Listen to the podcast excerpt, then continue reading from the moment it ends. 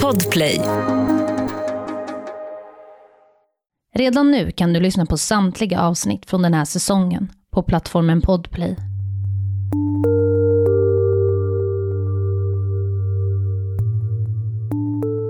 –1993 försvinner plötsligt en 16-årig tjej i södra Italien. Nio år senare, 2002, hittas en ensamstående mamma brutalt mördad i sin bostad i England. Flera år senare kan polisen se likheter i fallen. Kanske kan man nu få fast en gärningsman. Du lyssnar på Jakten på mördaren. En podcast av Saga Lindqvist Springhorn. Det här är del ett av Mördaren som älskade hår. Den här säsongen är baserad på fall som ni lyssnare har skickat in. Jag vill varna för grovt innehåll i dagens podcastavsnitt. Året är 1993. Vi befinner oss i Potenza, södra Italien. Eliza Claps är 16 år gammal.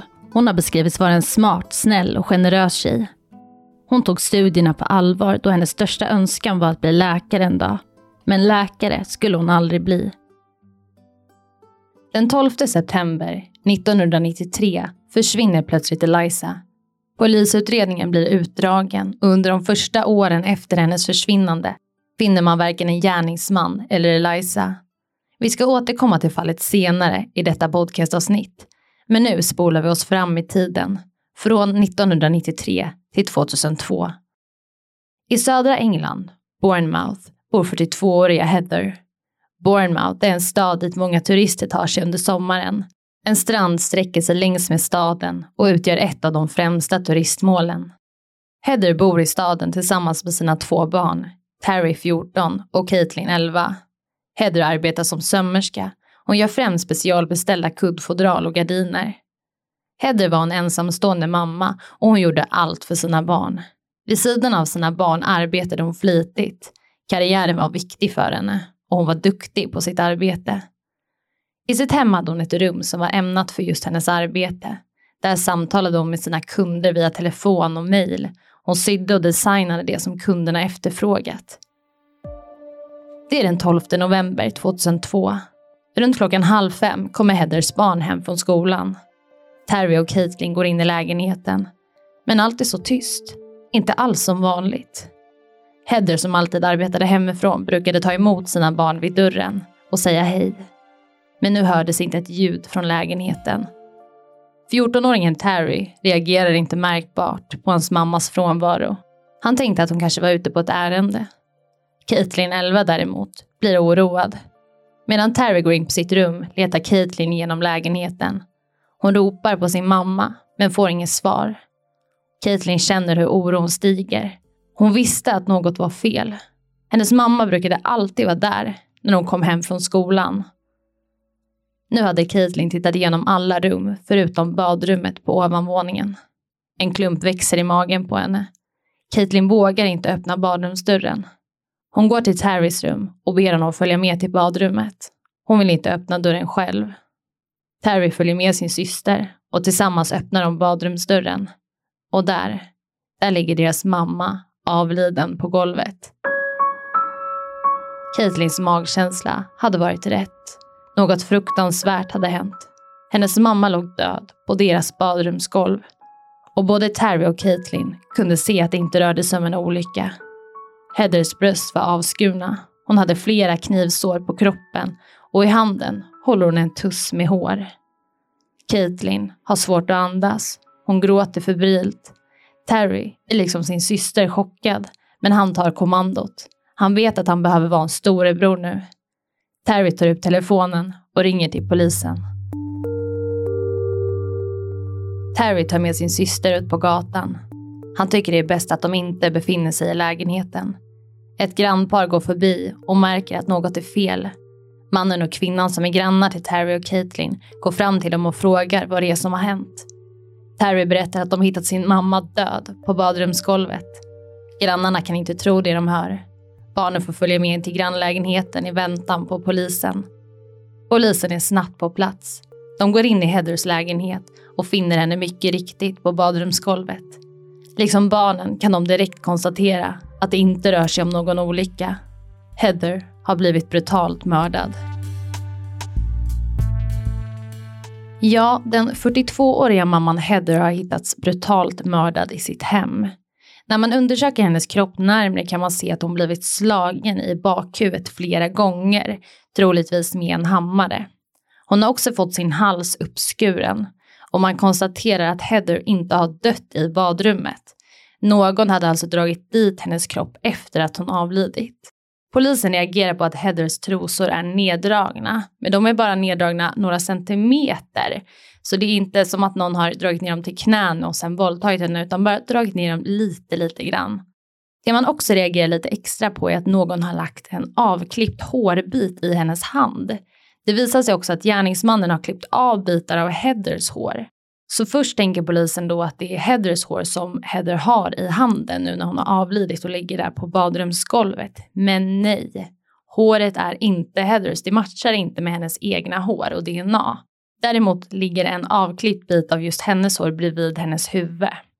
Ja, det är en annorlunda mordplats som polisen nu får undersöka här. Men vi ska gå vidare och är det så att ni vill se bilder från det här fallet så kan ni följa mig på Instagram. Det heter Saga Springcorn. Och för att se bilderna så måste ni skriva till mig att ni vill vara med på min nära vänner story. För det är just på storyn som jag kommer att publicera bilderna. Vi går vidare och återigen vill jag varna för grovt innehåll.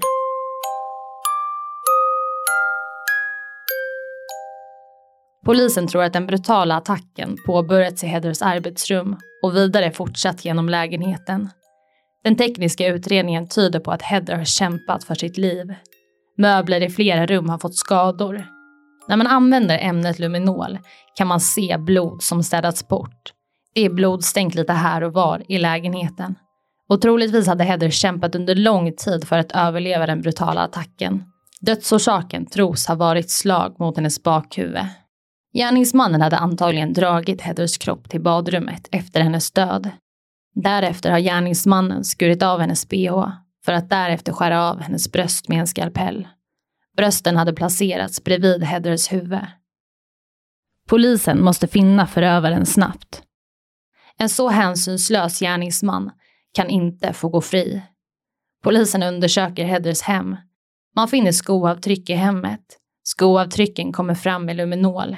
Gärningsmannen hade städat efter sig.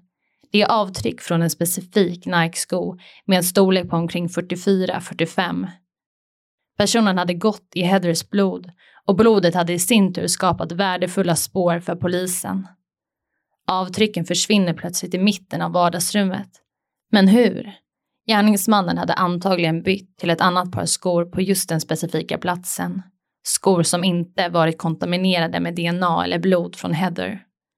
Polisens teori är att gärningsmannen haft med sig ombyte till platsen. Den som mördat Heather hade planerat den grova attacken. I badrummet där man hittar Heathers kropp finner man också en grön handduk som har använts för att städa på platsen. Polisen frågar Heathers barn om handduken tillhör hemmet, men det gör den inte. Ännu ett intressant spår för polisen. Polisen finner dessvärre inget DNA eller fingeravtryck som kan härledas till en gärningsman. Gärningsmannen måste vidare ha burit handskar. Utredningen pågår för fullt. Man börjar med att samtala med Heathers närstående, familj och vänner, men inget leder utredningen framåt. Vidare börjar man prata med folk i närområdet. Polisen knackar på hos Danilo Restivo. Det var just Danilo och hans sambo, grannar till familjen, som hade tagit hand om barnen efter att de hittat sin mamma. Barnen hade suttit hemma hos dem i väntan på polisen och paret hade försökt trösta dem. Polisen kliver nu in hos Danilo. Danilo hade flyttat till England från sitt hemland Italien bara några veckor innan Heathers död. Danilo är vid tidpunkten 39 år gammal. Han försöker komma in i det engelska samhället. Han vill bli bättre på språket och går en IT-utbildning under dagarna för att senare kunna få ett jobb. Danilo säger att han inte vet något om Heathers död. Han hade varken sett eller hört något. Danilo räcker över en bussbiljett till polisen. Han visar att han har alibi för den aktuella dagen. Utredningen hade visat att Heather dött någon gång mellan 9.30 och klockan 10. Gärningsmannen visste om hennes rutiner. Mordet hade inträffat när hon kommit hem efter att ha lämnat sina barn i skolan. Men Danilo har en bussbiljett som visade på att han tagit en buss 9.30 till sin IT-utbildning, där han vidare befunnit sig under hela dagen. Danilo berättar att han haft kontakt med Heather några dagar tidigare. Han visste att hon arbetade som sömmerska och han hade bett henne sy ett par gardiner till honom och hans sambo. Heather hade bjudit in honom till sitt hem för att diskutera hur de aktuella gardinerna skulle se ut. Han beskrev henne som en fin och trevlig kvinna. Polisen riktar inga misstankar mot Danilo. Han har alibi och verkar tala sanning. Men innan polisen lämnar lägenheten upptäcker de något oroväckande.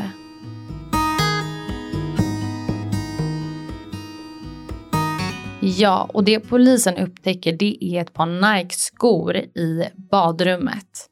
De här Nike-skorna är nedsänkta i blekmedel och som jag tidigare berättat så har man ju hittat just fotspår från Nike-skor i lägenheten som Heather mördats i.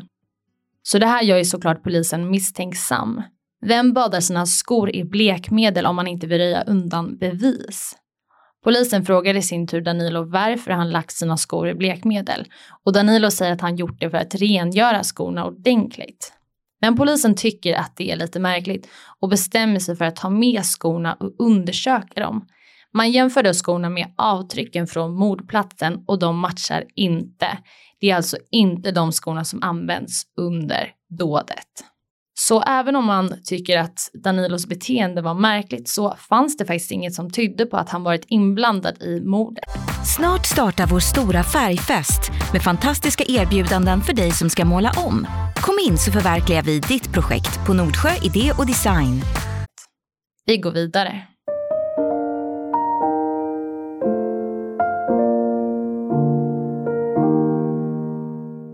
Polisens teori är att mördaren är en man Dels på grund av skoavtrycken vars storlek är mellan 44 och 45. Visserligen kan vissa kvinnor också ha den storleken, men det är mer sällsynt än hos män. Det är också andra saker som får polisen att rikta in sig på just en man. Dels mördarens tillvägagångssätt, brösten som varit avskurna, trosorna som varit neddragna en bit och håret som varit avklippt. Enligt flera psykologer tyder det på att någon njutit av att ta bort de kvinnliga attributen på Heather. Men utredningen står still. Polisen behöver använda sig av andra metoder för att finna en gärningsman. Man analyserar Heathers dator och mobil och finner då ett suspekt mejl. Heather hade skrivit ett mejl till sin syster och berättat om en klient, grannen Danilo, som velat ha specialbeställda gardiner av henne. Danilo hade kommit över till hennes lägenhet. De hade pratat om gardinerna. Hon hade föreslagit olika färger, material och design på gardinerna. Men Danilo hade inte haft den blekaste aning om vilken typ av gardiner han ville ha. Det hade Heather reagerat på. För ofta var det så att om någon ville ha specialbeställda gardiner så visste de på ett ungefär vad de ville ha. Om inte hade man ju kunnat gå till en vanlig butik och letat reda på en billigare gardin. När Danilo lämnat lägenheten hade Heather upptäckt att hennes extra nyckel till lägenheten försvunnit. Danilo måste ha tagit den. Allt detta hade formulerats i ett mejl till just Heathers syster. Heather var orolig. Varför hade han tagit hennes nyckel? Hon bestämde sig snabbt för att byta alla lås i lägenheten. Problemet var löst. Utredarna vill nu undersöka Danilo närmre. Och där stannar vi upp. Polisen hade ju tidigare pratat med Danilo och han har ju ett alibi. Men med tanke på det här mejlet som Hedder skickat till sin syster innehållande information om Danilo och hans beteende så vill man undersöka saken närmre. Och nu kan polisen se att Danilo varit inblandad i ett väldigt uppmärksammat fall i Italien år 1993. Och ja, det rör sig om Elisa Claps, den 16-åriga tjejen som plötsligt försvann. Och innan vi går närmare in på just det fallet så vill jag att ni ska få lära känna Danilo lite mer. Danilo föddes 1972 i södra Italien. Och Danilo var under sin uppväxt en blyg kille. Många beskrev honom som udda och det gjorde också att han hade svårt att få vänner. Men hans familj var utöver det väldigt respekterad i den här staden, Potenza. Danilos pappa hade många religiösa kopplingar och var bland annat vän med den högsta uppsatta prästen i området.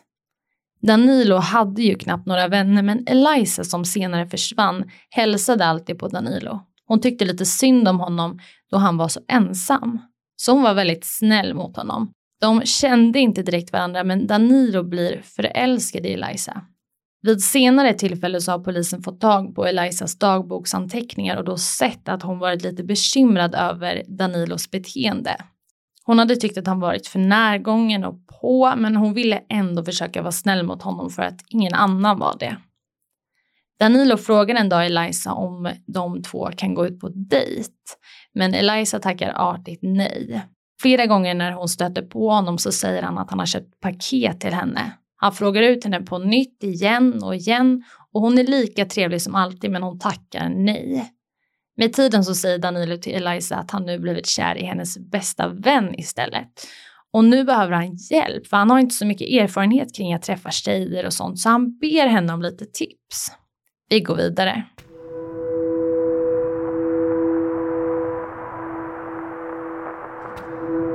Danilo frågar om Eliza kan träffa honom i stadens kyrka den 12 september 1993. Eliza som är snäll och tillmötesgående säger ja. Den här gången hade han ju varit tydlig med att säga att det inte handlade om någon dejt. Nu ville han bara ha råd från Eliza om hur han skulle ta kontakt med hennes bästa vän. För att Eliza ska få tillåtelse att träffa Danilo som är 21 när hon bara är 16 behöver hon ha en kompis med sig. Elizas familj vet att hon ska träffa Danilo och hon får inte gå ensam. Elizas kompis möter upp henne och tillsammans går de till kyrkan. Men väl framme lämnar Elizas kompis platsen. Hon hade inga planer på att vara med när Eliza och Danilo skulle träffas. Hon hade bara gått med Eliza till kyrkan för att Elizas föräldrar vägrat släppa iväg henne utan sällskap. Kvällen kommer och Eliza har inte kommit hem. Elizas bror går hem till Danilo och knackar på dörren. Danilo öppnar och brorsan konfronterar honom. Han vet att något är fel, för det är inte likt Eliza att inte hålla sina tider. Danilo berättar att han träffat Eliza, men att hon sen lämnat kyrkan. Brorsan upplever Danilo som nervös. Danilo snubblar på orden och mumlar. Elizas bror springer i sin tur till kyrkan, men kyrkan är låst. Han får panik och skyndar sig till polisstationen. Men Eliza har bara varit borta i några timmar vid den här tidpunkten och polisen tycker inte att hennes försvinnande ska prioriteras. De menar att ungdomar har en tendens att rymma hemifrån för att sedan återkomma några dagar senare. Elizas familj vet att så inte är fallet. Eliza tyckte om sitt liv och hade drömmar och visioner om framtiden. Varför skulle hon ha rymt? Tiden går och Eliza återvänder inte hem. En utredning tar fart. Nu har den 16-åriga flickan faktiskt varit försvunnen i flera dagar. Kanske är det ändå ett fall som polisen behöver prioritera. Och just så blir det. Danilo tas in på förhör. Väl inne i förhörsrummet börjar Danilo gråta. Han känner en enorm skuld för att Eliza försvunnit. Han och Eliza hade träffats i kyrkan. Han hade fått råd av henne för hur han skulle kunna närma sig hennes bästa vän. Men när Eliza hade kommit till kyrkan hade han märkt att något varit fel. Hon hade varit rädd och upprörd då ett killgäng på vägen dit trakasserat henne och varit närgångna. Med tiden hade hon slappnat av igen och när de skildes åt vid kyrkan hade allt verkat bra.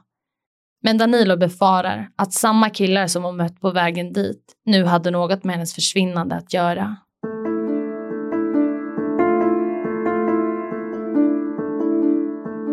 Ja, det är många pusselbitar som behöver läggas samman i de här respektive fallen. Det här var del ett av Mördaren som älskade hår. Och om du vill lyssna på del två så finns den redan nu på plattformen Podplay där alla avsnitt från säsongen är publicerade. Och glöm inte att om du vill ta del av bilder från dagens avsnitt så kan du göra det på min Instagram. För er som inte lyssnar på Podplay så får ni höra del två nästa vecka. Och om du har frågor eller tips på fall så får du gärna skriva till mig på Instagram där jag heter Saga Springcorn eller mejla till jakten på mordaren springcorn.se. Tack för att du har lyssnat på dagens avsnitt.